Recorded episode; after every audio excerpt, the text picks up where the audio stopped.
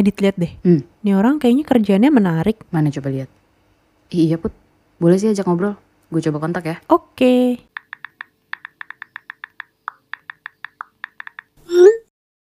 Hello, hello.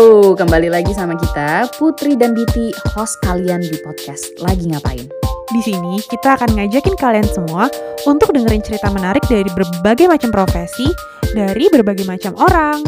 Yes. Nah, tamu kita ini adalah seorang lawyer, a corporate lawyer yang pernah Mhm. kerja di one of the biggest law firm in Indonesia dan sekarang kerjanya di Singapura, Mhm. um, Magic Circle Law Firm. Jadi uh, there's a if you want to know what a Magic Circle Law Firm is, bisa di Google. That's her, a very amazing person. Hai Mbak Mary. Hai Putri, hai Diti. Thank you sudah meluangkan waktunya di tengah kesibukannya. Tadi masih laptopan loh guys sebelum ngobrol sama kita. Iya. Sama-sama, thanks for.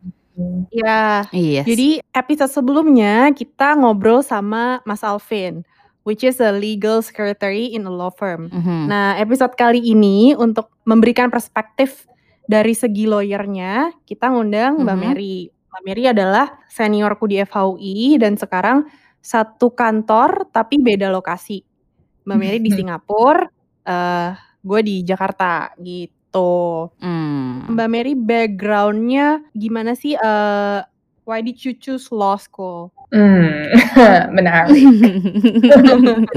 Menarik karena sebenarnya ini apa em, ceritanya bakal beda banget sama kenyataan em, Oke. pekerjaan.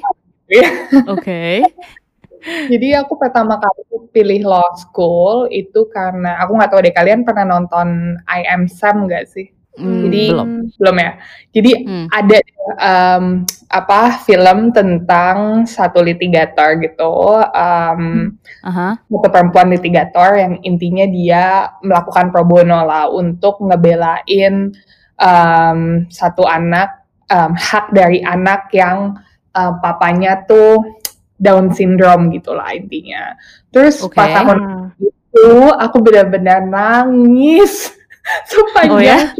Film karena ngelihat itu inspiring banget gitu si um, wanita litigator ini karena dia kayak tadinya dia corporate lawyer yang cuman peduli Hmm. akan um, uang dan segalanya gitu ya. Oke. sampai akhirnya dia kasus ini dan kayak stumbled upon kasus ini dan akhirnya dia mau ngebelain intinya hak si anak ini yang dan bapaknya nggak bisa bayar gitu jadi kayak wah Hmm. Nyuh gitu hati gue kan Hmm. hmm. Ini ini Terus- umur berapa Mbak Nah. Mary nontonnya? itu gue masih umur kelas 2 SMP so 14 Oke. Oke. Oke, oke.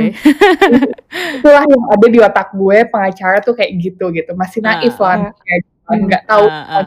apa selain itu gitu Hmm. Hmm. terus um, Kalau aku pengacara gue- Hotman Paris, jadi kayak eh, apakah hanya seperti ini pengacara di dunia ini?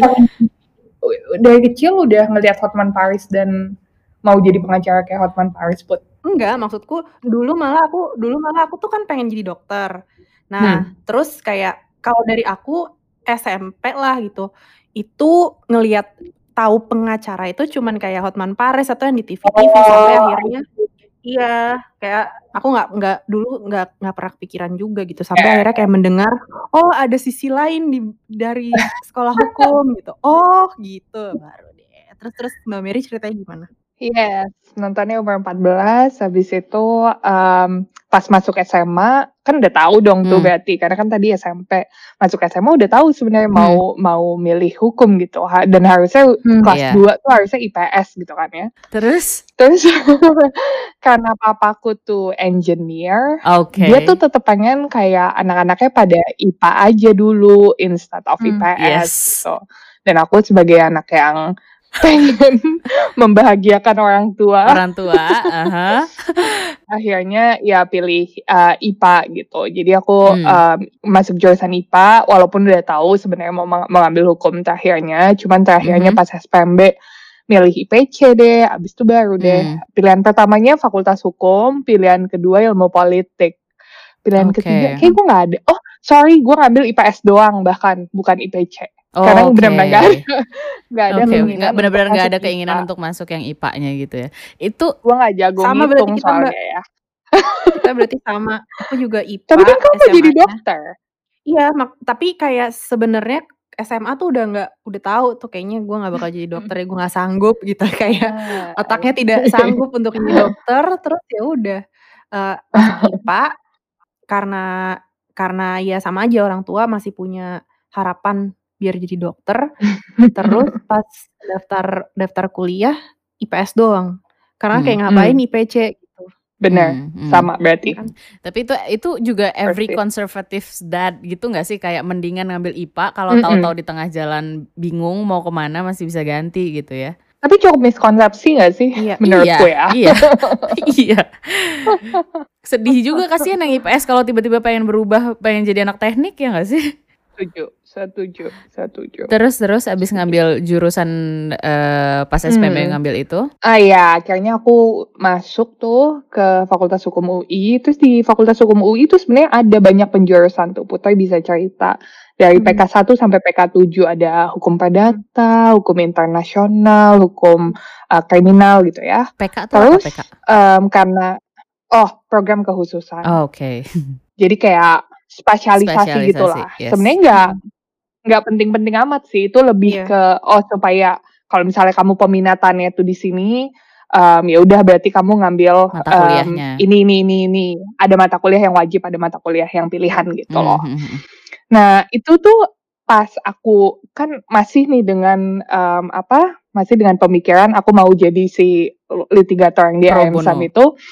Aku aku dengar lah apa aja nih program kekhususannya yang paling mirip sama aku gitu yang aku mau. Hmm, hmm. Terus jadi ada satu PK namanya PK 3 Mhm, itu tentang hukum acara hmm, hmm. yang intinya adalah ya buat litigator-litigator lah yang mau ke pengadilan. Hmm. Hmm. Aku ambil lah hukum itu Oh, yang ternyata 3? adalah yes Iya ternyata yang ternyata itu adalah ya nggak maksudnya bukan nggak berguna sih itu berguna banget kalau kamu mau jadi pengacara yang ke um, court gitu ke pengadilan gitu cuman Hmm. kalau misalnya kamu nggak mau jadi itu itu sebenarnya kayak cukup susah karena itu Susah. eh, ngambil banyak ada mata kuliah wajib di PK 1, PK 2 semuanya jadi wajib di PK 3. Oh, Jadi kayak, oke. Hmm. Tapi ya itu aku aku waktu itu masih naif juga as in kayak ah gue emang masuk hukum kan tujuannya ini gitu. Jadi kayaknya kalau misalnya gue ambil PK lain kok kayaknya gue membohongi diri sendiri gitu. Asik. Bener, PK ya Tapi udah. Hmm. pengususan PK ini kan harusnya di tahun ketiga nggak sih? Di ta di semester 3 tahun kedua Semester ya. tiga. Oke. Hmm. Jadi Mm-mm. emang semester satu tuh masih ide- idealis banget dengan eh, tujuan tujuan awal gitu ya mau jadi litigator Bener. kayak Bener. ya, ya, ya. Bener. PK 3 tuh dikit banget di angkatan aku dan Hmm. eh, biasanya emang orang-orang yang emang mau jadi litigator gitu dan maksudnya aku juga waktu itu kan maunya jadi litigator gitu nggak kepikiran sama sekali buat ngambil bisnis tapi pek- eh, program kekhususan yang paling populer tuh biasanya perdata atau bisnis gitu karena orang tahu biasanya mereka mau masuk law firm gitu. Hmm. Kamu PK berapa put dulu? Enam karena aku dulu kayak Oh. eh, pengen pengen kerja di Kemenlu atau di UN gitu kan itu tuh PK 6 PK 6 tuh apa? hukum PK internasional. Oh, Oke, I see. tapi setelah itu aku PK 6 tapi ngambil yang perdata karena kayaknya kayak oh kayaknya Iya. gue nggak bakal kerja di UN juga deh terus terus ya udah Tapi tuh ambil aku aja dulu yang punya perdata. teori put Apa kalau tuh? misalnya PK 6 itu pasti either orang yang sebenarnya maunya masuk HI tapi nggak masuk Hmm. atau kayak yang mau jadi diplomat atau jadi um, UN gitu-gitu. Hmm. Makanya ngambil PK 6 karena PK 6 tuh termasuk yang paling susah juga tuh Oke. di Fakultas Hukum jadi iya dan dan PK 6 perdata itu lebih susah lagi jadi iya kayak publik.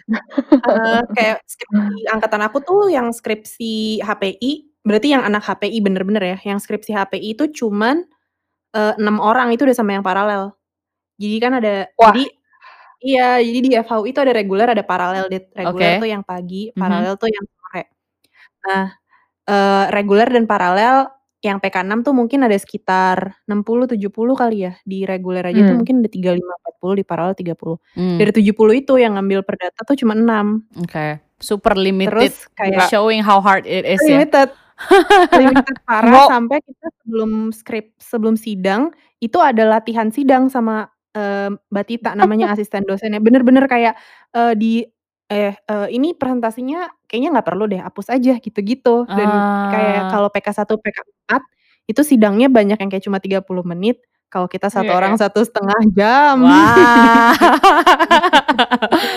Gila. Tapi Terus? itu Heeh. eee, waktu aku apa, tahun terakhir, aku tuh Mhm. akhirnya mulai menyadari. Jadi kayak tahun pertama masih naif, Mhm. mmm, terus akhirnya ditanya sama orang tua gitu kan, "Kamu ngambil apa?" Karena abangku kebetulan fakultas hukum juga. Jadi Oke. kayak Mmm. ya udah tahu lah orang tua nih, oh Mmm. biasanya kalau anak hukum tuh ngambilnya hukum bisnis gitu kan, supaya berguna Mhm. di kemudian hari gitu. hah. Terus pas aku cerita sama papa mamaku kalau aku ngambil hukum acara, mereka yang kayak, "Kamu jadi apa, Dek?" Hotman Paris gitu.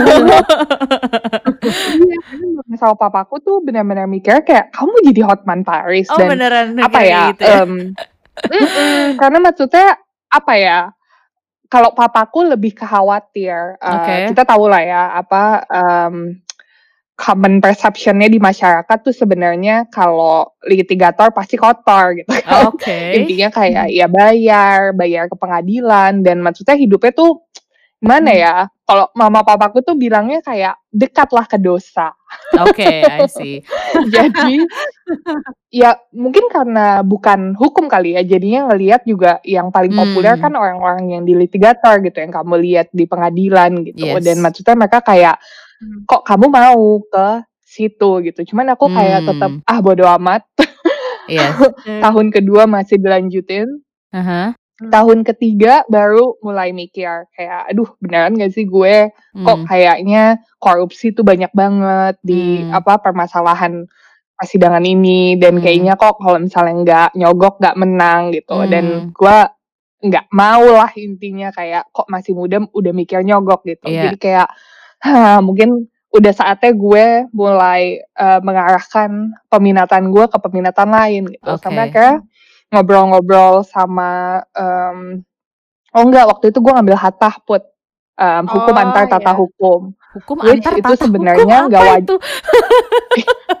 nggak menjelaskan kan Iya, bahkan hukum subjeknya, itu dia. hukum. Itulah hukum Iya, Indonesia internasional. iya. Eh, enggak, tapi Hattah tuh lebih kayak karena di Indonesia kan ada hukum adat, hukum ini, hukum ini, Yes. terus dulu kan ada hukum jadi dulu sebelum sistem yang sekarang tuh ada hukum yang buat orang kulit bukan kulit putih, apa ya namanya? Eee, buat tapi inlander, iya, buat buat inlander. yang penguasa lah intinya, which is yang kayak kolonial, Mhm. sama buat ini, Timur Tengah eh. Timur Asing. Iya, timur asing timur asing, iya. Sama ada hukum adat juga. Jadi kayak. Iya, sama hukum hukum Hattah adat. adalah mempelajari antara hukum Hubungan antara tata hukum itu.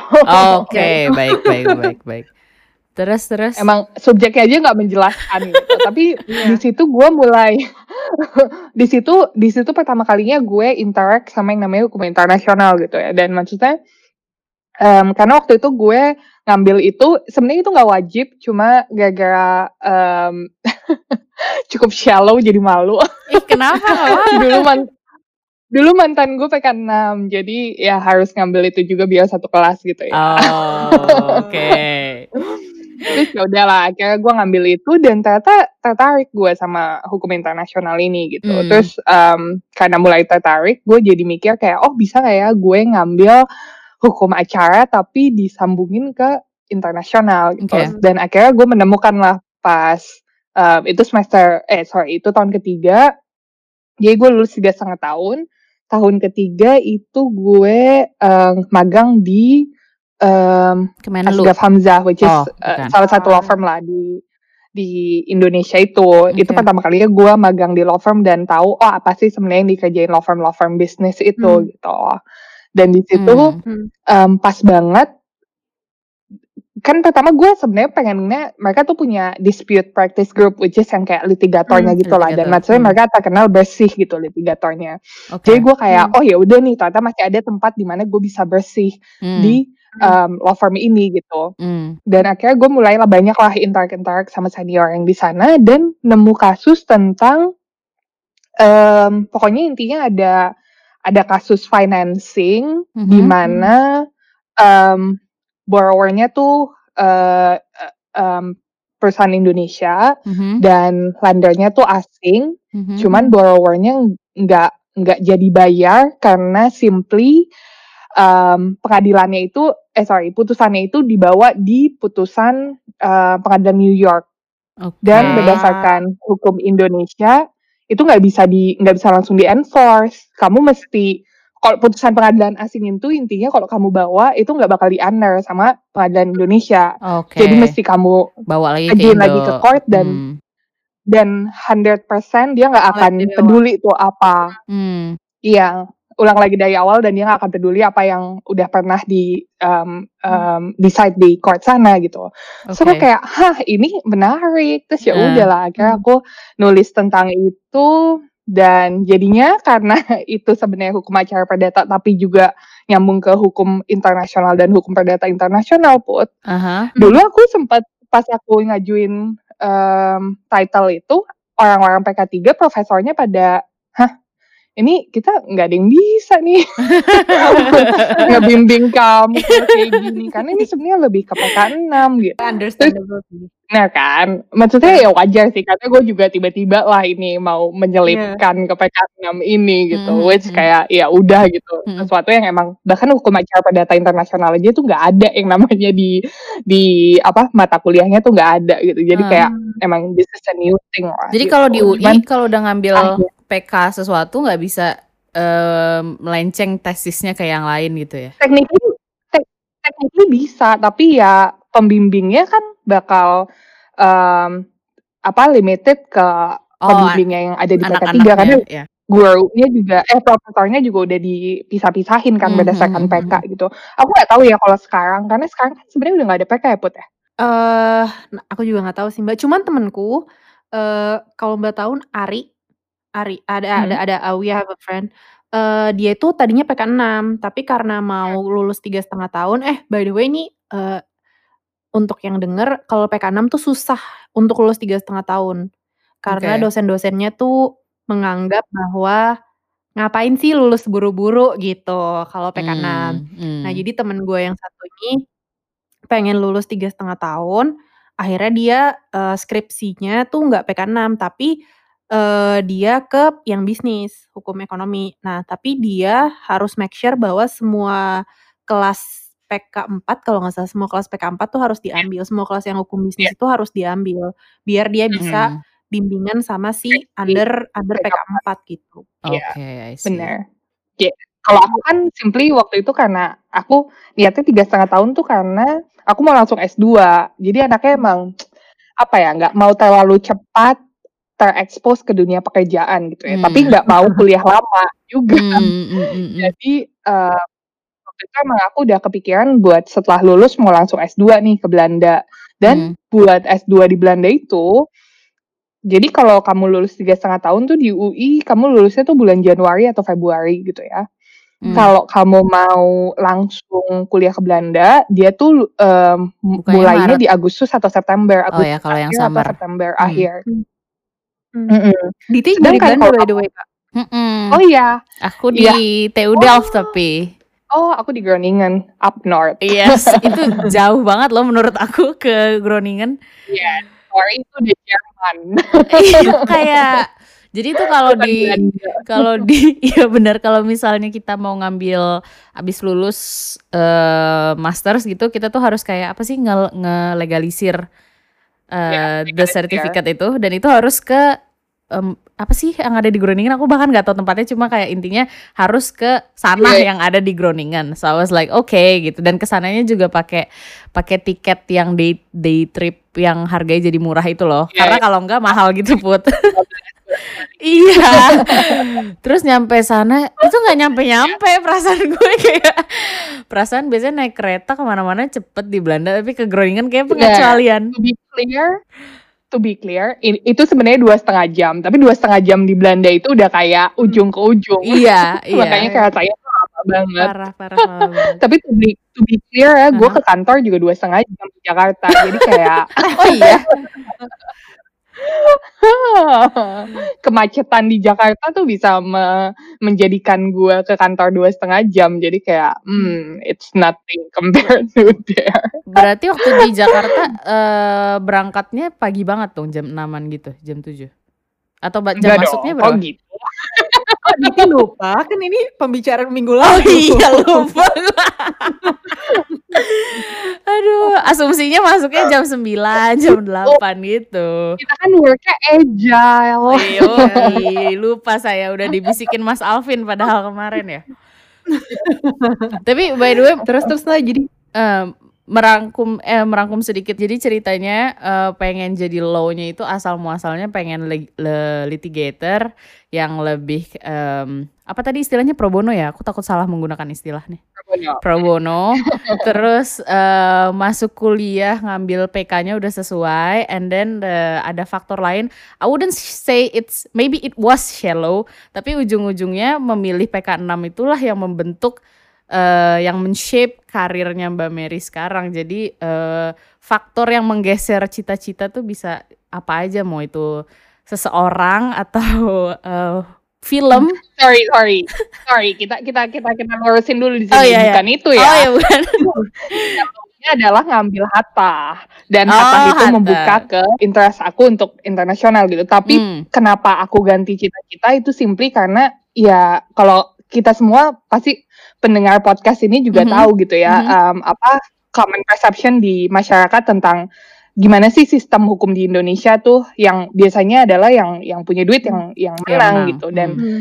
karena itu karena aku nggak mau terjerumus pada um, conception itu apalagi hmm. ketika kita masih muda hmm. jadinya aku simply mikir kayak oh this is not for me gitu hmm. aku nggak akan bisa ngelawan arus yang emang common perceptionnya adalah Seperti lo mesti itu. punya duit buat menang gitu yeah. lo mesti nyogok buat menang yeah, kayak yeah, yeah, yeah, yeah. no I don't no. want to be like I'm junior, no. I'm too junior to actually change the system lah yeah, Yeah, yeah. And that's why aku mikir, oh gue mesti um, apa um, cari cita-cita lain lah soal yang lebih cita-cita iya, yang lebih realistis yang lebih visible dan ya. ya yang lebih realistis dan lebih bersih. Hmm.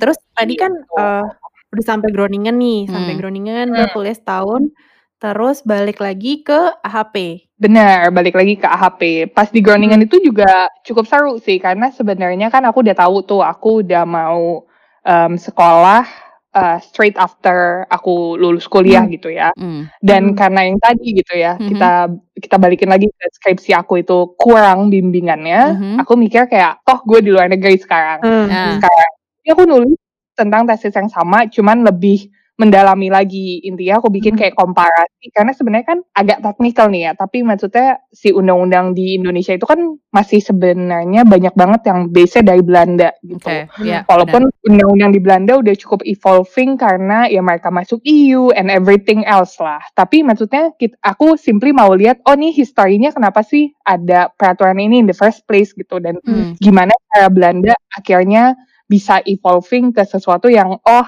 sebenarnya kita nggak apa-apa untuk recognize uh, putusan pengadilan asing gitu. Jadi hmm. di situ yang aku lebih melajarin gitu untuk akhirnya oh dapat bimbingan yang sebenarnya perlu kubutuhkan itu di hmm. skripsi S1 aku itu. Dan di situ hmm. aku input, aku ketemu sama Mbak Tiur, Mbak Tiur yang dosen uh, PK6, oh, kamu Oh iya iya iya iya iya. Enggak aku ketemu kan? Oh enggak ketemu. enggak lah nah dia lagi lagi ini PhD di sana.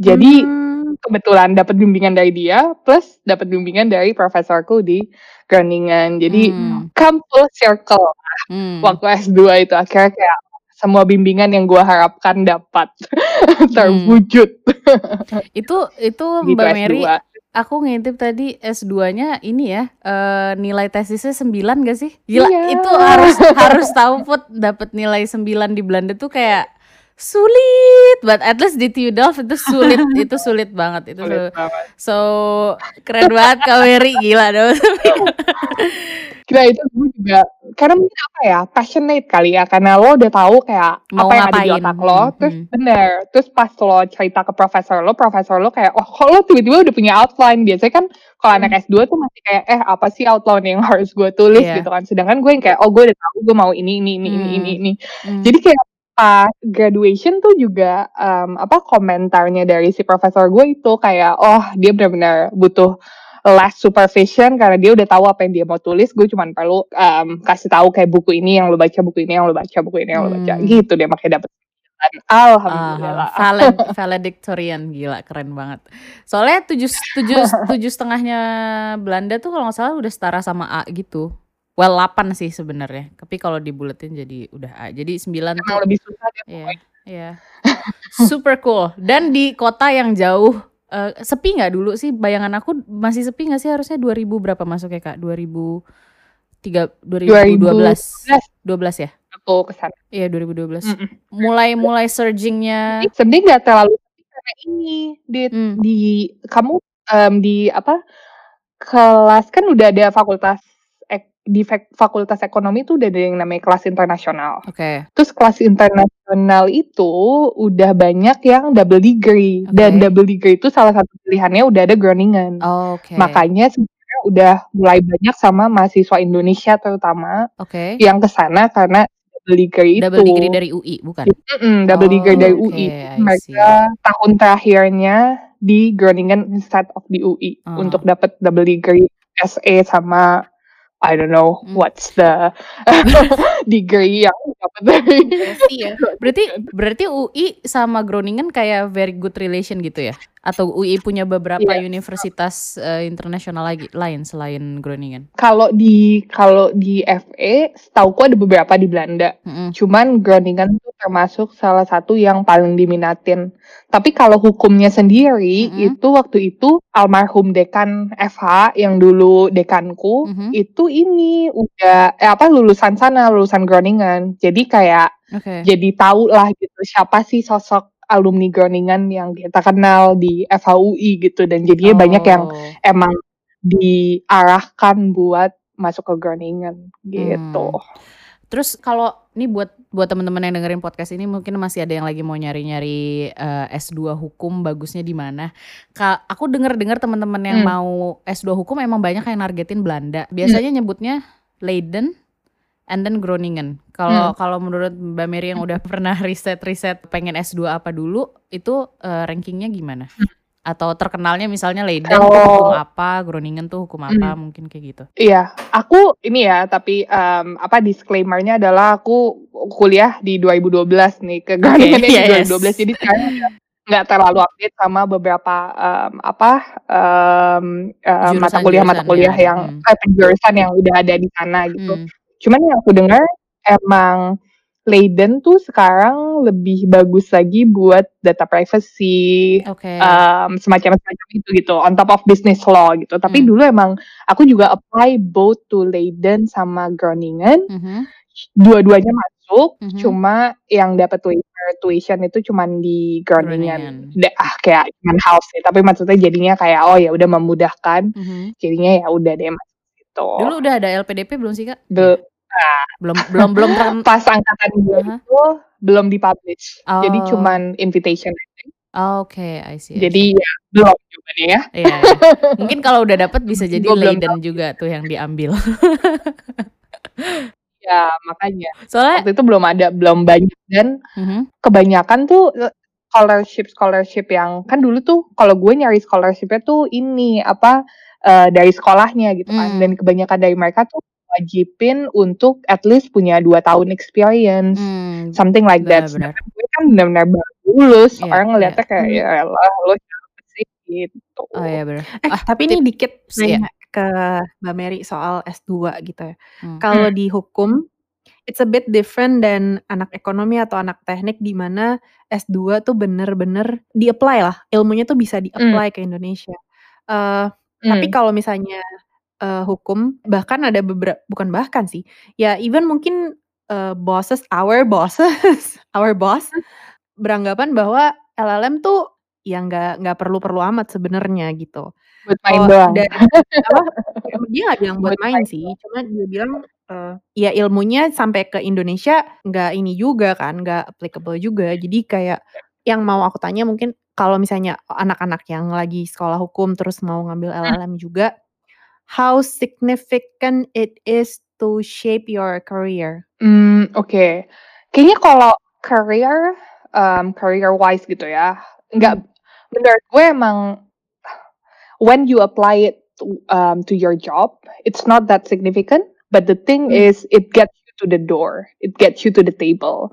As Mmm. in your CV will definitely stand out just because you have an LLM, just because you have a master degree gitu.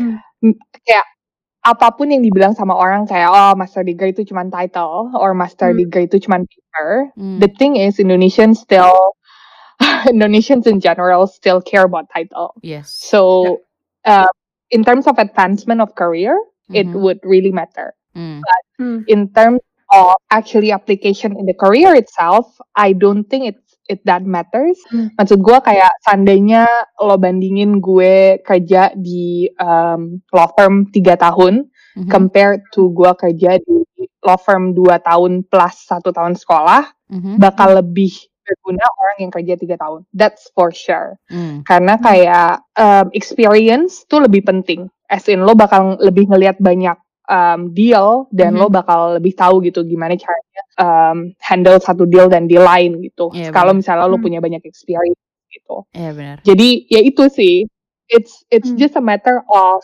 lo sebenarnya nyari apa di sekolah. Kalau gue dulu nyari di sekolah adalah yang pertama gue emang belum siap buat langsung ke dunia kerja. Mhm. Mmm. Yang kedua, I just simply want to experience gitu ya, mmm, Mmm. living outside of Indonesia Mmm. dan, mmm, living alone. As Mmm. in ya udah gitu, kayak Mhm. bed berdikari. Yes. Di atas kaki sendiri. Iya. And for me, it's it's very invaluable menurut gue Mmm. untuk actually experience that. It's a privilege Mmm. of course, but Mhm. it's invaluable. Iya. As in gue Mmm. nggak akan pernah trade that.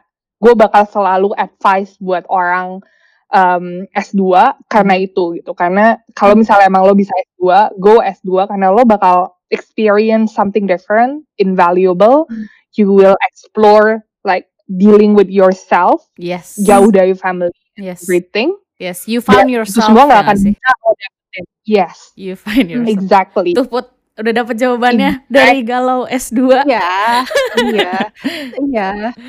Ta Kan lagi Yes. diperti eh, iya iya, lagi dipertimbangkan. Yes. Jadi menurut gue sebenarnya lebih ke apa, kalau misalnya lo lo mikirin karir doang, "Ah, ini emangnya bakal ad se-advance apa sih gue Mmm. di karir?" Atau apakah Mmm. kalau misalnya gue stay, gue akan lebih advance. Menurutku kalau misalnya emang cuman itu pertimbangannya, stay of course lo bakal lebih advance gitu. Tapi Mmm. kalau misalnya lo take into account, you know, exploring yourself dan actually Mmm. finding the new self, then go for it. Yes. Tapi I think I think it's, eee, it's very important juga lah for us to find ourself. Karena mungkin kalau di luar negeri, orang dari 18 tahun tuh udah biasanya udah pisah kan tinggalnya. Jadi they get to experience living Ya. with themselves dan dan Right. membuat keputusan sendiri, nggak ber ya mungkin kalau misalnya kayak Diti gitu yang udah tinggal di Bandung, eee, itu udah pelan-pelan, eee, apa namanya, semi belajar gitu semi. kan. Tapi kan semi Iya. kan, semi belajar gitu. Tapi kan kalau kayak kayak gue, kayak Mbak Mary gitu yang masih tinggal di rumah, I think it's, it's very important for us to go beyond our house, Mmm. our home hometown to experience to to find ourself lah intinya. Mhm Iya nggak sih? Dan lebih ke ini sih Put, kalau gue nggak tahu, coba Diti mungkin juga ngerasain hal yang sama gitu ya. Kayak lo jauh dari rumah dan dari orang-orang yang istilahnya kenal lo gitu. Mhm. Mmm. Lo benar-benar lebih apa ya, mmm, lebih open to reinvent yourself gitu. Trying something new or not trying something new gitu. Iya. Lo lo nggak di lo nggak ter terjebak dalam satu box ekspektasi orang-orang gitu loh. Iya. Mmm. Kayak lo bisa jadi diri lo sendiri dan gue nggak Mmm. pernah tahu diri gue sendiri tuh di luar box itu tuh apa sampai kayak gue menemukan itu di S2. So Iya. completely important Mhm. to actually experience that before you you know actually go full adulting. Iya. Nah, ini ini Menarik ini menarik banget soalnya eh, topik S2 tuh di umur-umur sekarang tetap masih jadi topik yang yang banyak yang nanyain gitu di di di ke aku. Nah, eh, jadi aku aku pun setuju bahwa S2 yes gitu ya. Cuma em, aku punya eh, aku punya pertanyaan ini. S2 iya, tapi abis ker- kerja dulu baru S2 atau langsung S2. I know we both, aku juga langsung S2 by the way. Tapi setelah setelah kita menjalani dari S1 langsung S2, would you advise the same kepada adik-adik kita atau misalnya anak kita in the future bahwa eh, kamu langsung S1 langsung S2 aja atau eh, akankah Mbak Mary justru advice eh, kerja dulu deh baru S2? Hmm, kalau misalnya myself, I wouldn't uh, do things differently gitu ya. Tapi Hmm. kalau misalnya emang lo ngelihat plus minus, both tuh ada plus minusnya gitu. Hmm. Um, contohnya kalau misalnya lo langsung nih dari S1 lulus terus langsung S2, menurut gua yang gua bandingin sama teman-teman gua adalah Mhm. lo masih biasa dengan belajar, tau gak lo? Iya. Hmm. Jadi Iya, iya, iya. lo masih tahu ujian belajar caranya gimana Iya, gitu. iya. Lo masih biasa dengan yang namanya kayak lo belum terekspos dengan dunia luar di mana lo mesti um, bahagiain klien intinya gitu. Iya. Atau oh, teori sama praktek tuh different gitu. Lo belum terekspos dengan itu. Hmm. Gue inget banget pas gue kuliah itu gue gue satu-satunya yang baru lulus dan belum pernah maksudnya gue kerja tapi belum pernah kerja lama gitu ya Hmm.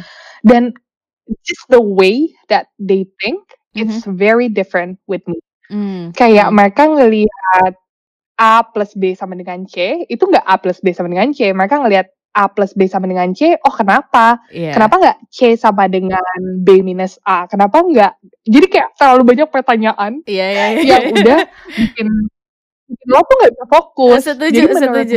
itu iya Iya. kan menurut gue itu plus utama kalau lo baru S2 eh baru S1 langsung lanjut S2 lo masih inget caranya belajar lo masih bisa terekspos dengan segala em, belajar sampai malam di library Mhm. Kalau misalnya kebalikannya gitu ya eh apa minusnya gitu ya minusnya simply kayak lo tahu ini semua teori gitu jadi kayak lo nggak tahu nih sebenarnya kalau diaplikasiin gimana sih kelihatannya Iya. di dunia Hmm. nyata gitu Hmm. itu Hmm. itu minusnya tapi menurut gue minusnya nggak terlalu banyak gitu ya jadi Hmm. kayak I wouldn't trade it differently Hmm. Um, dan kebalikannya gitu kalau lo kerja dulu S2 eh, baru S2 ya kayak gitu kebalikannya lo mungkin lebih susah buat um, Nangkep belajar dan teori. fokus Aha. sama pelajaran Aha.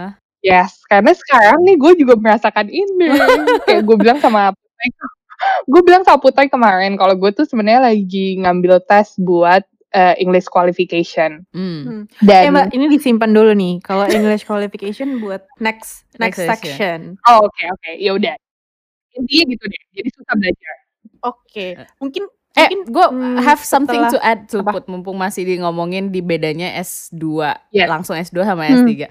Eh, eh, langsung S3, Hmm. kerja dulu. dan dan aku dan aku punya eh, poin yang sama sama Mbak Mary karena kebetulan aku eh, S2-nya juga di bagian yang agak social science, maksudnya karena Hmm. di bagian engineering and policy analysis, tapi beratnya di policy analysis. Nah, eh mungkin yang mau aku tambahin adalah itu sangat berlaku kalau S2-nya adalah social studies yang mana teori sama praktek tuh bisa jauh Kan. gitu. Heeh. Dan yang jadi plusnya dari orang yang kerja ketika dia berusaha bikin project or even bikin report, first positifnya kalau kerja dulu, dia bikin report tuh looks much more professional karena dia tahu uh, how to make the client happy. Apalagi Yeah. jurusanku kebetulan mengarahkannya tuh untuk jadi uh, melahirkan consultants gitulah. Jadi selalu ya selalu kayak what's the prob the the client's problem harus menyelesaikan masalah klien klien klien klien klien gitu. Jadi report yang terlihat profesional tuh matters gitu. Terus um, uh, tap- dan aku juga hanya sebeber, segelintir yang langsung S2 dibandingin yang lain. Tapi itu juga enaknya masih semangat merpus tuh uh, masih ada ketimbang yang lain gitu. Dan student gitu iya, tapi tapi totally agree tergantung apa yang dikejar sama teman-teman yang lagi dengar nih mau mau apa dulu yang dikejar kayak masih muda mau mau manfaatin semangat itu semangat belajar yang masih ada atau justru mau uh, gain experience dulu sebelum nyemplung um, setuju di S2-nya itu. Mungkin kalau di teknik beda ya. Kalau di teknik mungkin eh, ilmu dan experience-nya mungkin masih sejalan karena kebenaran itu digambarkan oleh angka. Tapi kalau social social social studies kebenaran ya mungkin uh, kalau kata kalau kata profesor aku tuh kayak nggak pernah ada nilai 10 yang sempurna untuk jurusan kita gitu. Kalau kalau kita kebenaran ada di tangan klien. Oh. ya Kebenaran ada di yang bayar, Put. Benar, beneran ada yang yang bayar. benar, itu saat benar. Tapi ya gue setuju, ya, ya. setuju ya. banget. Tapi ya, ya. tapi intinya nih ya, kalau buat yang dengerin yang masih galau S2, lo harus S2 hmm. kapan pun ya, lo siap. Itu, itu, kapan pun itu lo siap doesn't matter. Hmm, Karena ya itu yang tadi kita omongin, redefining yourself itu sebenarnya adalah hal terpenting yang bisa lo dapetin dari S2. Apalagi dengan kultur Asia yang di mana kita biasanya masih tinggal sama orang tua gitu. Dan nggak bisa hmm. redefining ourselves terlalu jauh sampai akhirnya hmm. kayak lo harus hidup sendiri untuk actually redefining yourself. Jadi benar-benar nggak matter whether or not lo mau S2 langsung atau S2 mm -hmm. setelah lo kerja, yang matter yeah. adalah mm. lo eh, harus S2. eh, mantap. Ah, oke oke oke. Terus uh, after S2 di mana Mbak Mary balik dan mm. jadi uh, kerja lagi di AHP. Itu mm. langsung atau gimana, Mbak? Iya, jadi waktu gue jadi sebelum ini gue cukup gue bisa bilang gue cukup lucky in life gitu ya. Jadi pas hmm. gue sebelum berangkat S2 itu, gue ikut tesnya AHP waktu itu karena AHP itu internshipnya tuh cuma tiga bulan. Jadi kalau gue hmm. berangkat hmm. bulan Agustus ya gue masih bisa gitu kan dari Maret ke uh, itu cuma akan menghabiskan sampai Mei gitu. Jadi waktu hmm. itu karena hmm. dia salah satu law firm yang ngasihnya tiga bulan karena banyak law firm lain yang ngasihnya enam bulan which enam bulan gue gak akan bisa komit mm. gitu. Tapi kalau tiga bulan gue bisa komit mm. karena itu jadi gue uh, apply dan gue luckily keterima.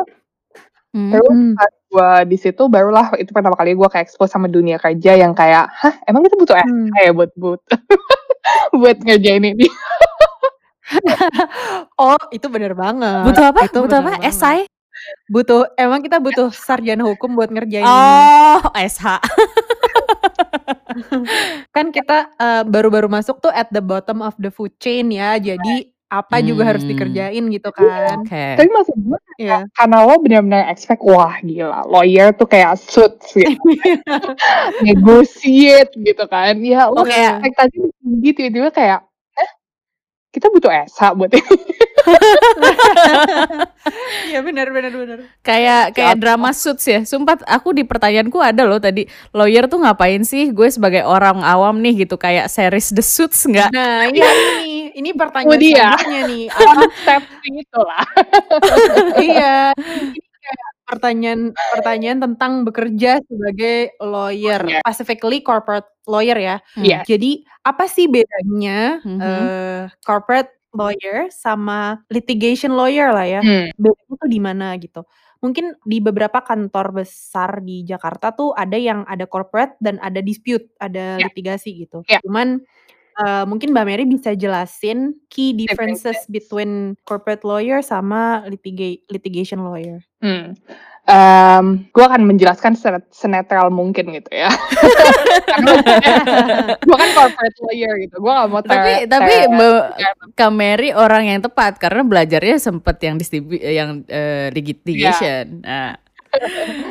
Jadi sebenarnya bedanya tuh uh, cukup simpel gitu ya. Kalau misalnya corporate lawyer biasanya hal-hal di mana sebelum ada masalah terjadi, dispute lawyer hmm. adalah biasanya di mana hal-hal setelah masalah sudah terjadi. Masalah jadi kalau misalnya lo ya. mau mikir, ah gue sebenarnya mau jadi corporate lawyer atau dispute lawyer gitu ya, lo mikir aja sebenarnya lo tuh suka gak menyelesaikan masalah orang. Kalau enggak mendingan jadi corporate lawyer. netral, netral, jangan lupa netralnya. Tapi itu ada loh orang-orang uh. yang suka problem solver atau lo kalau di CV kan ada tuh yeah. problem solving. Nah, itu lu berarti mendingan jadi dispute lawyer gitu ya. Hmm, Tapi gitu, hmm. itu perbedaan utamanya. Jadi biasanya corporate lawyer itu yang ngedraft semua dokumen-dokumen perjanjian yang most likely nggak bakal ada yang baca kecuali pengacara gitu ya. Hmm. yang yeah. tebel itu itu di draft terus begitu misalnya ada sesuatu ada one prestasi atau ada yang cedera janji um, salah satunya nggak memenuhi kewajiban di kontrak gitu ya, itu baru bakal langsung ditransfer ke dispute lawyer karena itu udah masuk ke permasalahan gitu. Itu itu Hmm. key differences sesimpel mungkin yang bisa gue jelaskan. Hmm. Hmm. Jadi untuk teman-teman yang dengar gitu kan, kadang-kadang kan kita suka persepsinya adalah kalau kita lawyer, we can answer everything Everything. law related questions gitu kayak Technically we uh, can, we just not yeah prefer we can, yeah we can when we want to. Tapi ya we just prefer not to. Cuman kita juga ada spesifik di corporate Correct. lawyer tuh juga ada spesialisasi-spesialisasinya Dit. Hmm. Nah Mbak Mary ini spesialisasinya sama kayak gue, banking and finance. Betul. Cuman kalau gue ada capital marketnya dikit, kalau Mbak Mary banking and finance ya Mbak. Hmm, Nah, betul.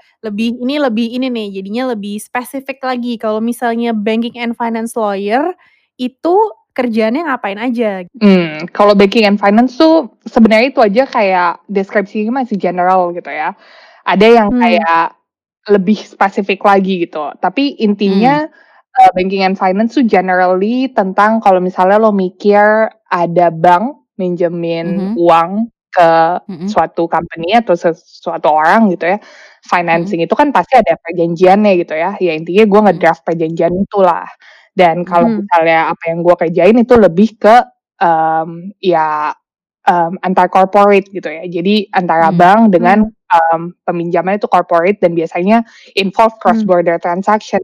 Jadi uh, mungkin dia minjem uang, sorry Mhm. borrowernya di let's say di Singapura, um, lendernya banknya di London, terus si Mhm. Singapura ini mau invest di Indonesia dengan cara akuisisi Hmm. company di Indonesia, jadinya cross border transaction. Jadi lo Hmm. minjem eh, lo ngewakilin bank yang mau min eh, yang mau ngasih pinjam ke borrower yang di Singapura untuk uh, masukin duitnya ke Indonesia.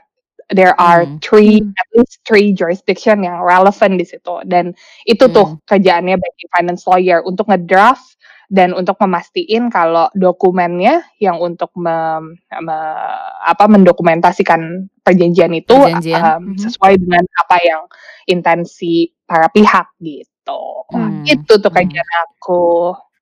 Nah, berarti Menarik kan? Jadi menarik. Tapi eh, apa namanya?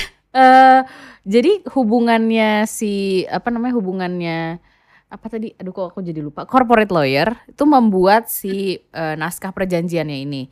Tapi kalau misalnya nanti terjadi dispute, maka another lawyer yang akan come in eh, yang akan Correct, take correct. place. Dan Ah. benar, benar banget tuh summary-nya. Tapi lucunya gitu ya, um, Aha. menurut gue ini cukup lucu sih.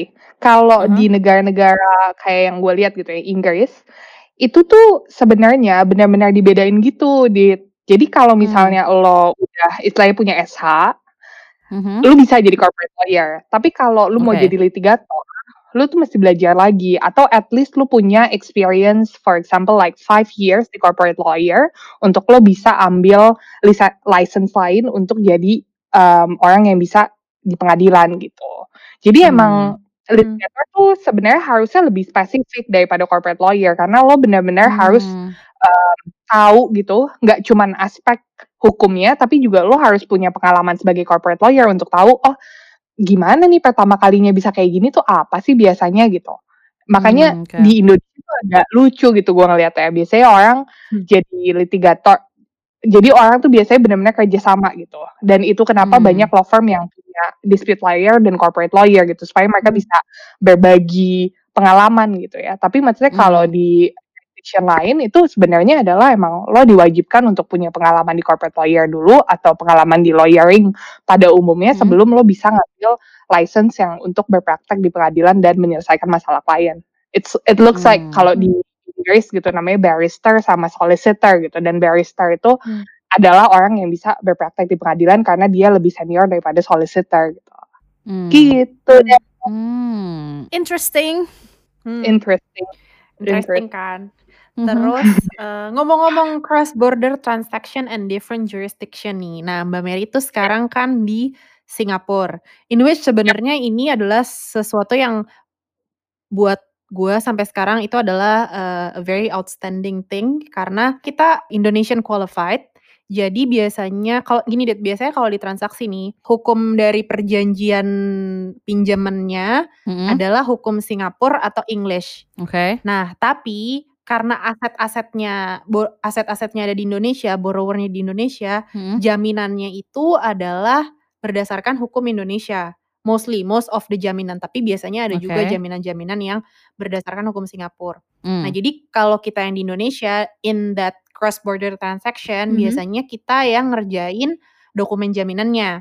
Sedangkan yang, Oke. eee, hold the pen lah, istilahnya hold the pen for the transaction itu biasanya, eee, law firm Singapura, which is biasanya adalah, eee, Singapore qualified. Tapi Mbak Mary, for her outstanding performance in the office, ditarik ya Mbak eee, dikasih kesempatan untuk pindah ke office Singapura.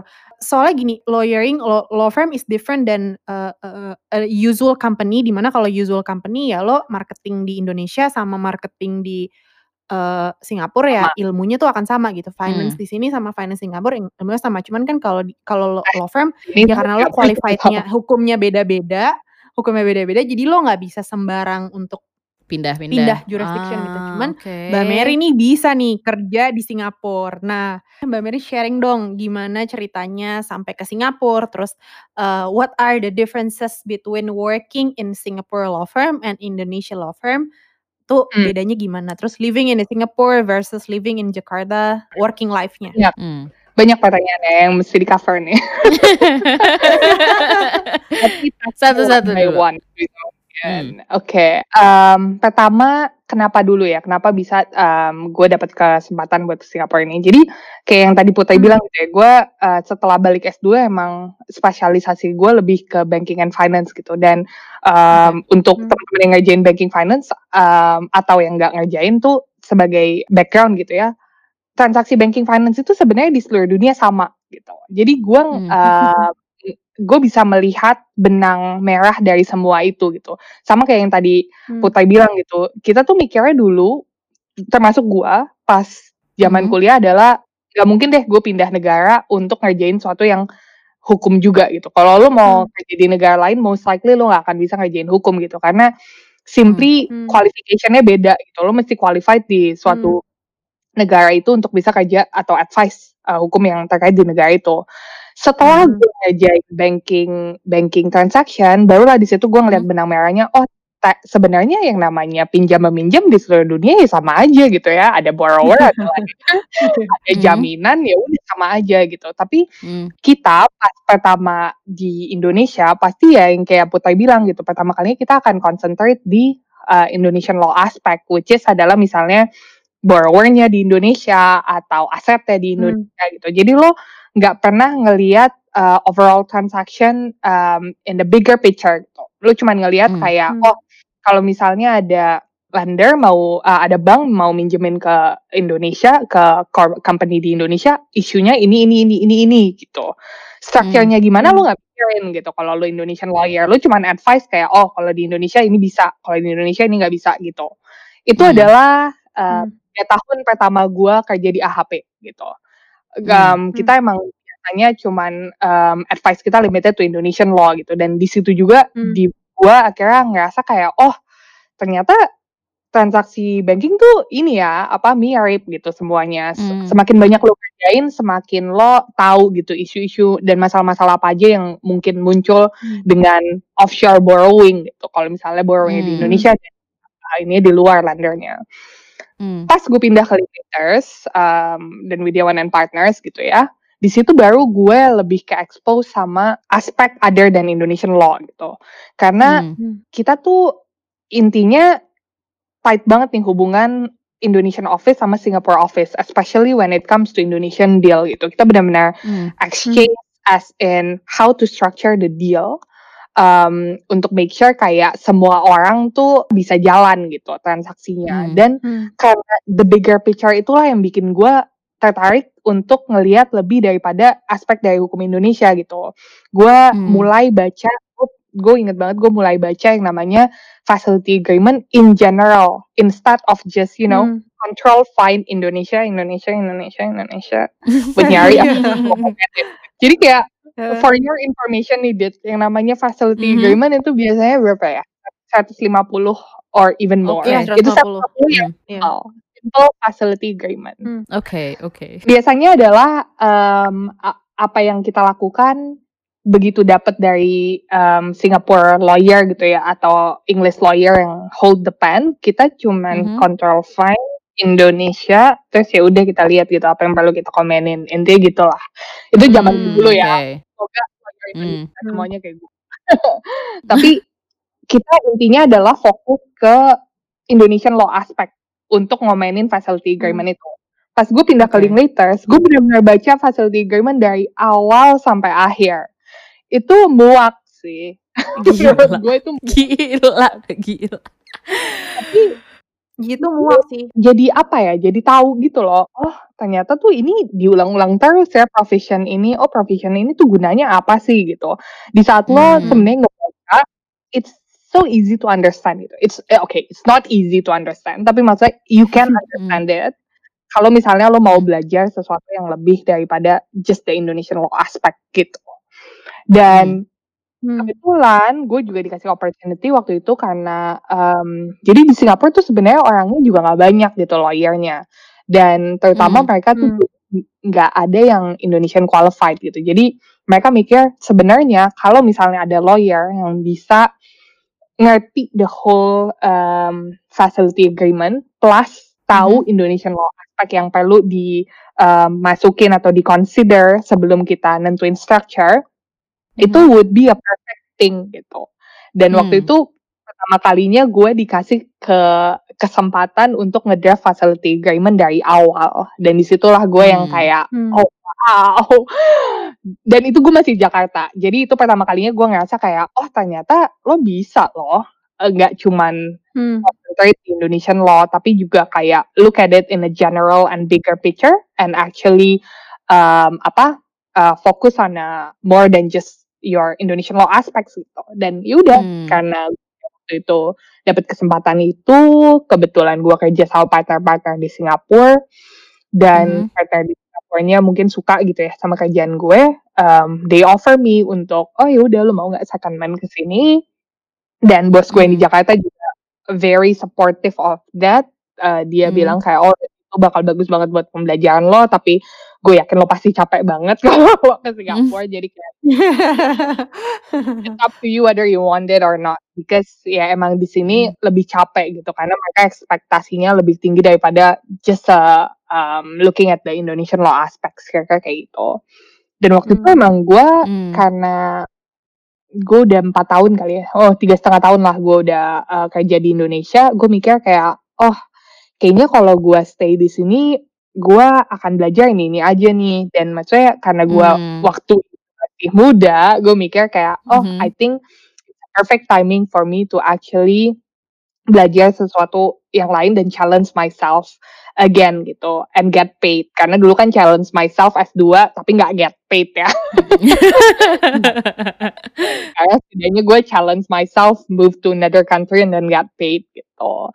Jadi ya udah deh akhirnya gue pindah sini, terus I think the key difference would be ya ma sama gitu, apa yang ekspektasi gue di Indonesia adalah, mmm, you have to look at the bigger picture, you have to actually understand the structure, you have Mhm. to know the commercial and not just like the legalist drafting gitu. Lu benar-benar mesti understand the whole how how does the calculation of interest work, how does the Mmm. bank make the money, things like that Mmm. gitu. Dan itu tuh menarik buat gue, karena itu sesuatu yang gue rasa kalau gue di Indonesia doang, gue akan terlalu sibuk dengan Indonesian law aspects yang akhirnya gue nggak akan pernah belajar Mmm. tentang ini gitu. Dan Mmm. Mmm. di saat Indonesian deal lagi sepi, gue juga bakal disuruh kerjain deal lain gitu, kayak Indian deal, and Singapore deal, and gue gue banyak kerjain Indian deal dan di situ gue makin bisa ngelihat kalau benang merah itu masih panjang ternyata. Ternyata emang benar-benar di semua Mmm. jurisdiction itu ada kemiripan, di mana sebenarnya lo Mmm. sebagai Mmm. lawyer yang lo pelajarin di negara lo, hukumnya itu nggak beda-beda jauh sama hukum di negara Mmm. lain gitu. Cuman ya ada Mmm. beberapa perbedaan yang bisa lo gampang lo gampang lo apa, dapetin akhirnya setelah lo punya experience itu gitu. Oh ternyata Mmm. kalau di sistem ini tuh, di sistem negara kayak gini hukumnya. Oh ternyata sistem negara Singapura gitu misalnya mirip sama sistem negara Inggris hmm. gitu. Sistem negara kita mirip sama sistem hmm. negara Belanda gitu. Jadi kayak once you know those, you know, bigger things, lo bakal sadar kalau oh, hmm. oh ternyata tuh lawyer tuh masih mungkin gitu untuk pindah negara dan untuk pindah actually negara. undertake work other than ya yeah, other than Indonesian law. Cuman ya itu lagi ya, hmm. kita tetap terjebak sampai namanya kualifikasi and that's why you need to hmm. get qualified um, to actually advise indep independently. Otherwise lah, hmm. selama partner adalah orang yang qualified dan istilahnya advice law di approve sama partner law, dan mm -hmm. ya bisa fine gitu. Cuman lo nggak bisa independently advise if you're not qualified on it. Gitu deh. Hmm, menarik. Dan ngomong-ngomong tentang kualifikasi, nah Mbak Mary lagi belajar yeah. untuk ambil English law qualification ya, English bar ya? Apa right. sih kalau English bilangnya English bar atau English law English qualification atau Jadi kalau uh, solicitor? Okay. Uh, uh, kalau di Inggris tuh dibedain ada dua gitu kan. Yang pertama untuk jadi solicitor, yang kedua untuk jadi barrister gitu. Jadi gue ngambil hmm. buat yang jadi hmm. solicitor. So ab abis ngambil English solicitor akan bisa advice independently on English law matter, gitu kan? Iya, yeah, correct. Kenapa ngambilnya English law matter? Karena kemiripannya dengan Singapura kah laws-nya? Hmm, jadi English law itu yang paling sering dipakai untuk uh, banking and finance transaction. Jadi okay. kita ada namanya kita ada yang namanya Loan Market Association gitu ya. Dan Loan Market Association ini um, base-nya di London, base-nya di Inggris. Mm. Dan Loan Market Association ini yang intinya standardize the market. Jadi okay. kalau ada facility agreement, mereka akan ngeluarin satu set of facility agreement yang biasanya dipakai market gitu. Dan kalau negotiate jadi gampang gitu. Lah, ini mah elemen elemen hmm. standar, kenapa lo mempertanyakan ini gitu lah intinya. Oh, oke. Okay. Standard ini biasanya adalah mostly English law. Even di borrower-borrower Indonesia biasanya -hmm. mereka adalah English law. Dan English law hmm. ini dasar dari semua sistem hukum yang namanya hukum common law gitu. Jadi sistem okay. hukum tuh in hmm. general ada dua, sistem hukum common law sama sistem hukum civil law. Sistem hmm. hukum civil law itu kayak kita Belanda, hmm. Prancis. Sistem hukum okay. common law itu kayak asal mulanya dari Inggris. Jadi okay. Inggris, US, and um, Singapore, Malaysia itu mereka semua hmm. common law sebenarnya gampang hmm. lihat ya. Biasanya adalah siapa yang ngejajah lo gitu. Kalau misalnya yang ngejajah lo adalah Inggris, like lo lo common hmm. law gitu. Ngejajah okay. lo Belanda, likely lo law. Dan karena English law itu adalah um, dasar dari most semua common law, makanya gue mm -hmm. prefer untuk memilih English law karena technically Singapore law itu agak mirip sama English law gitu. Wah, menarik banget. Dan dan kalau English law, English law qualified di Singapura boleh kasih advice. Singapore law advice nggak? Enggak dong.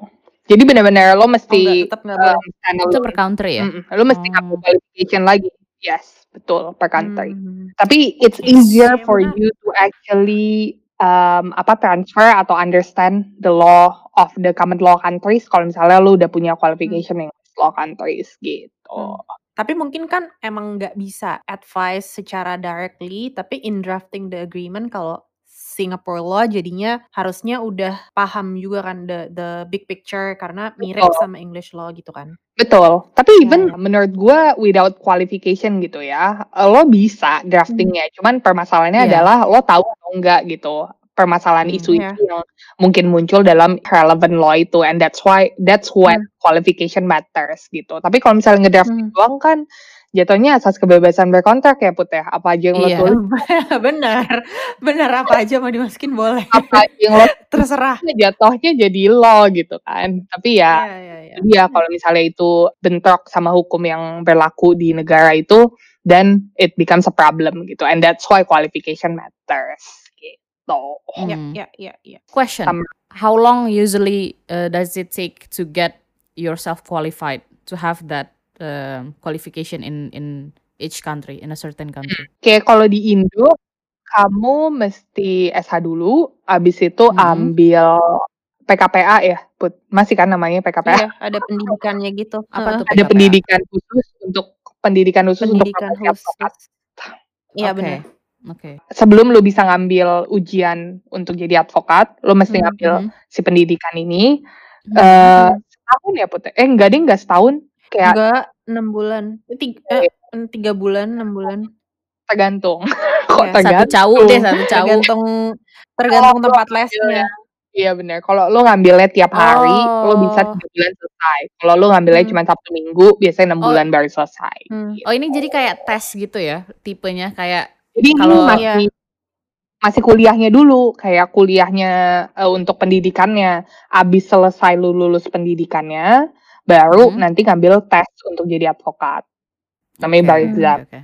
Nah, oh. untuk lo benar-benar jadi advokat, lo mesti mm-hmm. at least punya pengalaman kerja 2 tahun kalau di Indonesia. 2 tahun, iya. Plus hmm. on top of that, lo mesti at least 25 tahun, gitu. Hmm. Oke. Okay. Tapi kayak sekarang udah berubah deh, Mbak. Oh ya? Uh, ada kalau nggak salah tuh kan organisasinya sekarang kepecah dua. Mm-hmm. Nah, di organisasi yang satu lagi boleh ujian dulu baru PKPA. I don't I don't understand the logic. Tapi oh, really? ya sekarang bisa kayak gitu. Hmm, sekarang bisa kayak gitu. Ya, That's tapi weird. beda sih di uh, the the qualification di di Di Indo. di English atau di US mm -hmm. sama di Indo tuh menurutku beda banget kalau di English sama di US Yes. tuh Kak, that that qualification really matters gitu.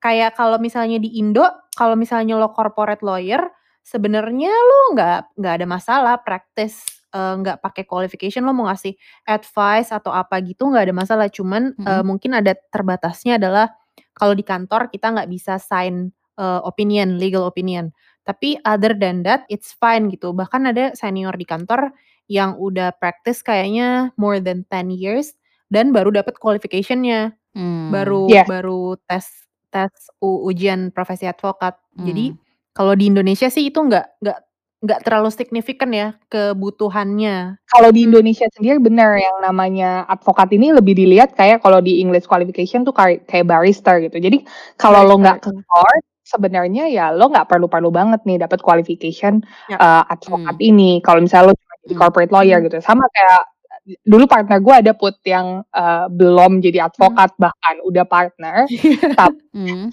dia udah lulus and everything dia cuma belum disumpah aja di pengadilan karena biasanya abis lo lulus lo harus disumpah di pengadilan untuk jadi advokat gitu ya. Yeah. Tapi just to add more color into that gitu ya.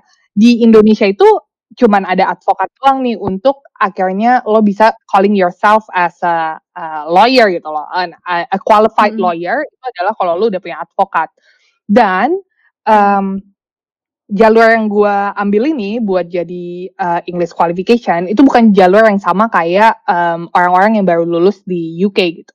Jalur yang gue ambil ini adalah Qualified Lawyer Transfer Scheme, which means artinya kalau lo udah qualified di home jurisdiction lo, lo bisa ambil tes ini untuk actually test your knowledge on English law, and if you pass the test, then you can be a English qualified lawyer.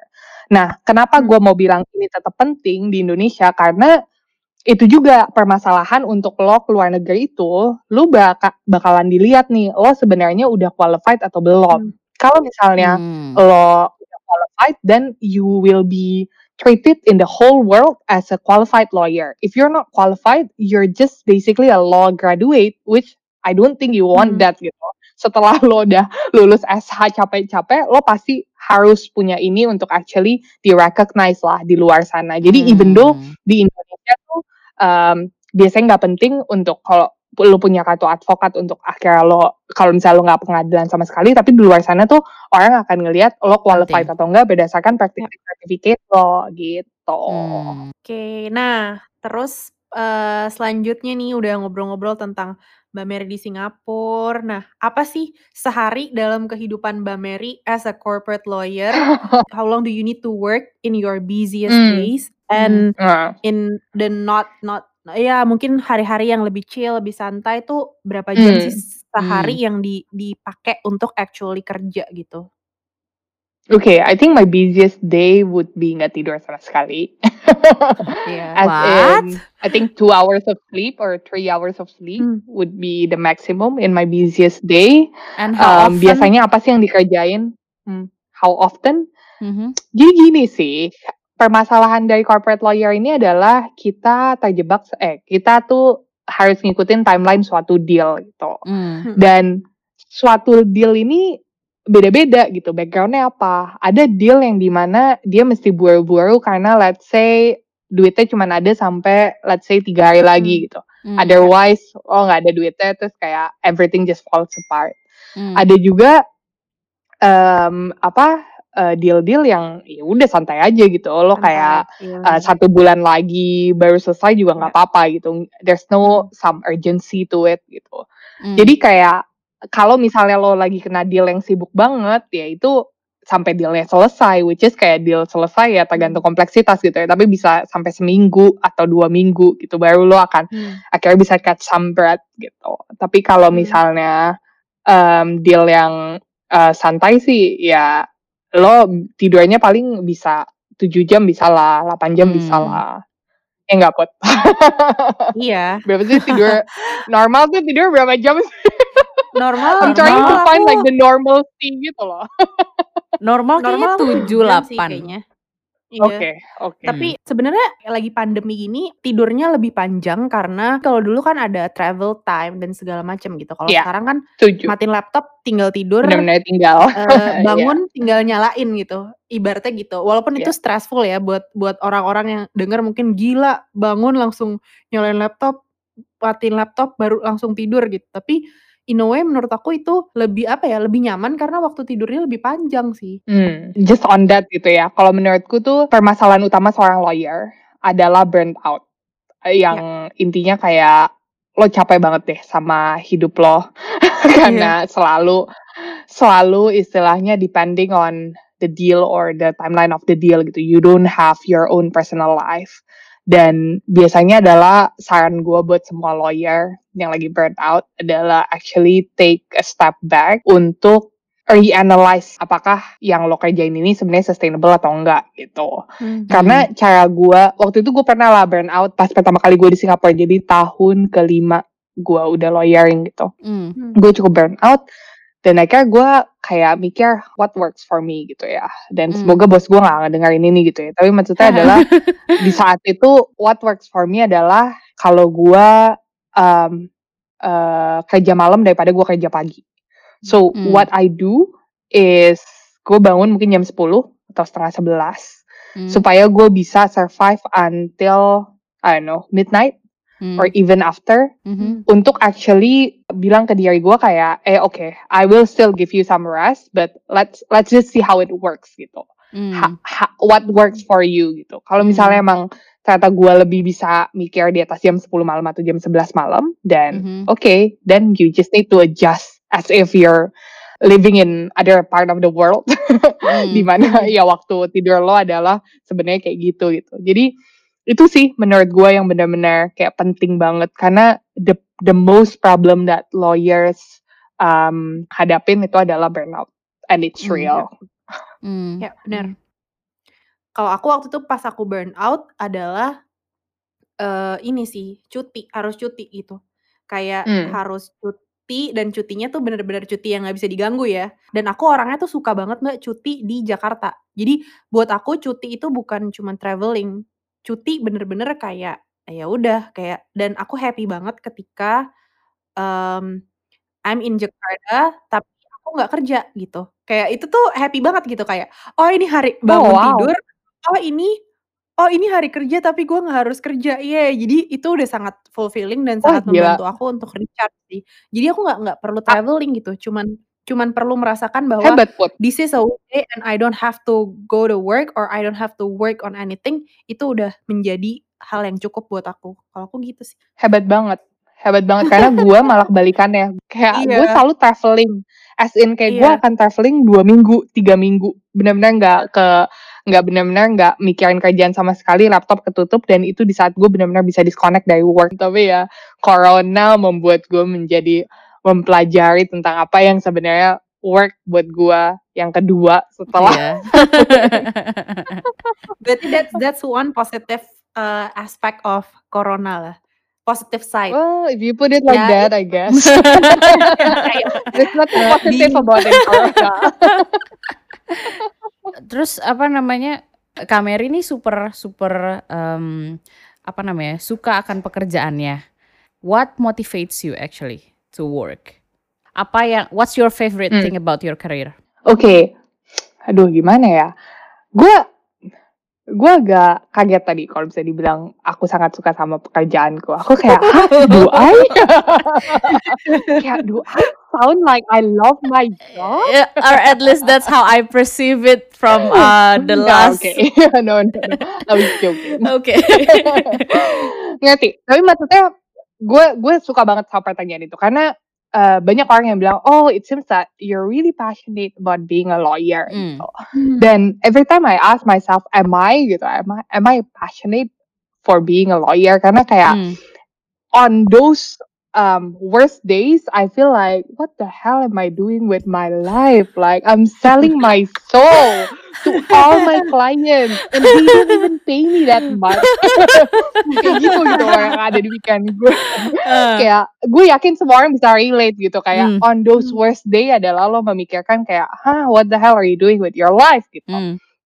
Tapi what motivates me, which that's why I really love the question, itu adalah Hmm. helping other person. I won't say people karena I'm actually helping company gitu. Helping other person. Hmm. That's why what keeps me motivated gitu. Hmm. Gue ngerasa seneng di saat gue bisa nemuin jawaban buat pertanyaan orang gitu. Hmm. Pertanyaan yang you know biasanya pertanyaan sehubungan legal aja gitu. Hmm. Tapi itu yang bikin gue ngerasa, oh actually I'm not passionate about being a lawyer. I'm passionate about helping people.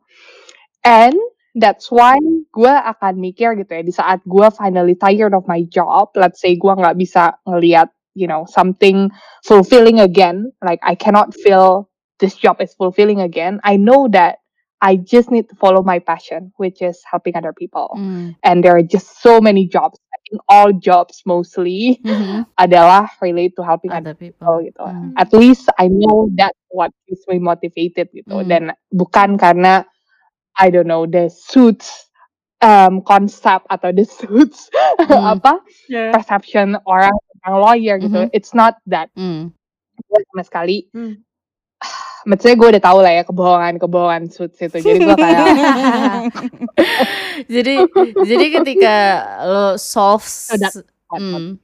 ketika lo solve sesuatu atau create a deal yang mem- make the life of your clients easier that's that's when you find that klik lagi gitu bahwa oke Yes. oke I think that's my passion Yeah. and that's what motivates me Hmm. So far. Mhm. Jadi selama gue masih mendapatkan itu di pekerjaan gue, gue akan terus ngerasa ini passion gue gitu. Tapi the underlying passion is not my title as a lawyer, Mhm. but it's just you know Yeah. actually helping other people. Yeah.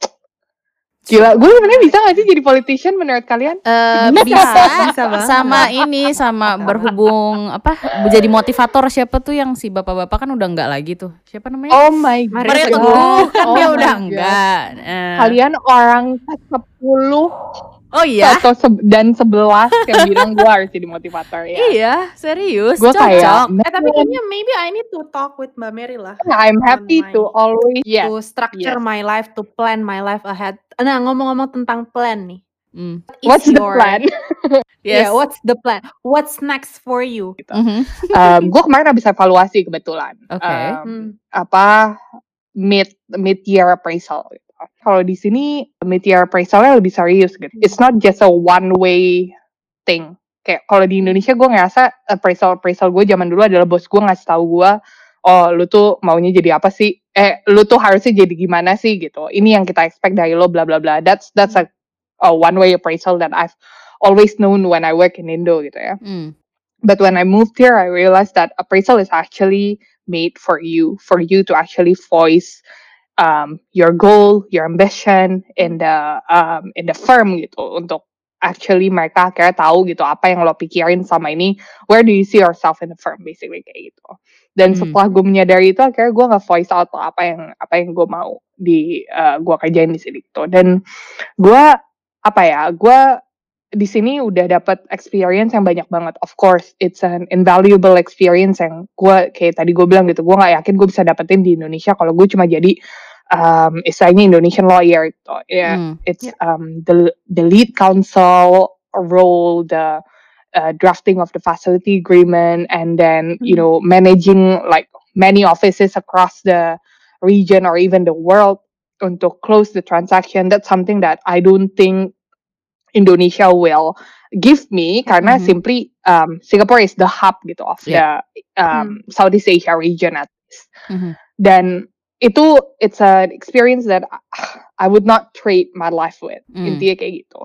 Cuma looking at kayak the reason I started this in the first place adalah gue jelas mau balik ke Indo gitu. Gue mau balik ke Indonesia di mana gue ngerasa itu adalah orang-orang yang perlu gue bantu gitu. Mm. Kayak there are just so many things untapped market and untapped subject or structure yang belum pernah diimplementasiin di Indonesia yang menurut gue adalah kayak oh that's my role to fill in gitu Mm. Untuk gue bisa apply apa yang gue udah dapetin di sini dan akhirnya gue apl- aplikasiin gitu di saat di home home country gue itu adalah something that I really want to do. Mm. So my Hmm. mid year appraisal kemarin adalah gue bilang kayak oh of course in let's say two years I'm going to go back and basically still work in the same firm and then Hmm. let's see like what what can I give to the firm gitu in in terms of you know clients or business gitu apakah gue bisa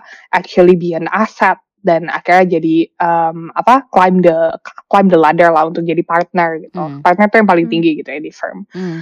so that that was my and that's that's the ambition that I actually shared with my boss Mhm. um, di Singapore and actually gue juga udah bilang ke bos gue di Jakarta which is Pak Adrian dan he was really supportive of it gitu dan maksudnya kayak it's something that um actually oh I thought this is just me you know Mm. I thought this is Mm. just like what I have in my head that Mm. I have this ambition but then I don't know where the firm stands Mm. but Mm. after I actually voiced my ambition and they were quite supportive of it I feel like oh actually why don't people do this you know Mhm. like in your appraisal actually voice your opinion voice your ambition voice your where do you see yourself voice something that you want to change about the firm to make you Mm. happier Hmm.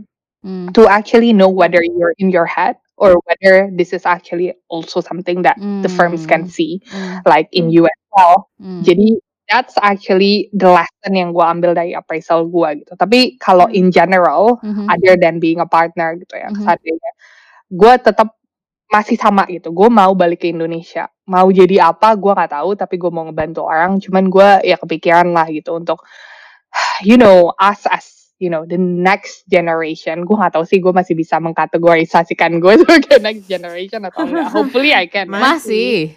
Tenang Kak, Iya. masih.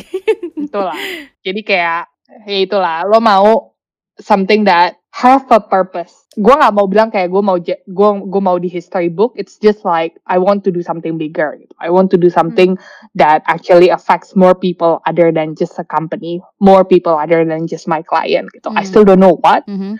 And I think I'm I will just need to figure it out as you know as time goes by Mhm. but that's just a long term goal for me tapi kayak goal goal yang pasti adalah gue pasti balik kalau balik ke Indonesia tunggu aku ya Oh, tentu saja. akan ditunggu menteri. wah gila It's super fun talking to Mbak. Mary. oh my god thank you so much lo udah mendengar Super gue seneng. berceloteh dan honestly ya gue paling happy kalau ngelihat I- I'm all about women empowerment so gue paling happy kalau ngelihat um, women actually you know take Mm. um, take the platform to Mm, actually mm. share about their thoughts and I appreciate you for doing this kayak this is what girl power Yay, Thank you. On a good remark, if you have uh, one or two words for our young fellas yang mau uh, decide jurusan apa yang harus diambil saat kuliah, or those yang lagi mau ngambil hukum, one of our two advice from Kameri apa? Hmm. Hmm. Atau yang yang udah kuliah hukum tapi masih bingung, eh, am I cut out Hmm. to be a corporate lawyer gitu? Hmm. Kayak gue bisa general deh terhadap ini karena maksud Hmm. gue sebenarnya emang semuanya sama gitu ya buat yang lagi mau yang lagi Hmm. bingung mau ngambil kuliah Hmm. apa sama Hmm. buat yang lagi kuliah atau yang Mhm. lagi bahkan bekerja gitu ya dan mempertanyakan apakah lo Hmm. actually wants this work gitu sebenarnya adalah ini agak klise but I think you should really ask yourself Hmm. What makes you happy Hmm. um when you are still trying to pick gitu ya, what kind of um, degree you think you're having, uh, analyze aja gitu. Oh kenapa lo mau milih ini gitu? Apa sih yang sebenarnya lo mau um, achieve kalau misalnya lo belajar ini? Look at it as a learning instead of something mm. that is practical gitu. Karena I think the the the mistake that most young people, um, including me, um, decided the their future based on a practical things gitu uh, something that you you you see in your um, everyday life gitu lo ngelihat ada yang lawyer lo ngelihat ada yang dokter lo ngelihat ada yang the thing is even digital marketer did not exist like what yeah. before internet mm. and yeah. now it exists mm. it pays really well so it really comes to the point as in what do you want to learn? Because once you find that thing what you want to learn then it's it's just it just mm. it will just be easier. As in how will you cruise your life after that? Um, gim- apakah lo bakal mau bekerja sebagai apa pun setelah itu? Gampang banget kalau misalnya emang you actually mm. love what you learn in your university gitu. Dan kalau misalnya lo anak hukum yang masih mempertanyakan apakah lo suka hukum atau enggak, man, this is for you ya. Hukum tuh general, as in lo belajar apa pun di hukum itu bisa lo hmm. aplikasikan terhadap apa pun gitu. Jangan mikir lo lulus hukum udah pasti jadi lawyer. No, there are just a lot of options for you to hmm. actually take hmm. other than being a lawyer. Gitu. Jadi hmm. don't look at the practical um, things yang ada di depan lo. Don't look at practical example yang ada yang lo tahu gitu.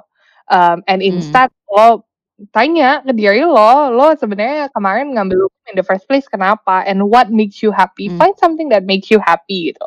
In hmm. every little thing that you do. Including hmm. kalau misalnya lo udah kerja. Karena kalau misalnya hmm. emang find out that you're not happy with your job, it's never too late to change well, obviously not in this time of corona ya. Just mm. be grateful when you have a job gitu. But still, you need to reflect and actually think whether mm. is it worth it? Kayak, do you think it's worth it to actually not living a happy life? Happy is such a, it's not a privilege thing gitu.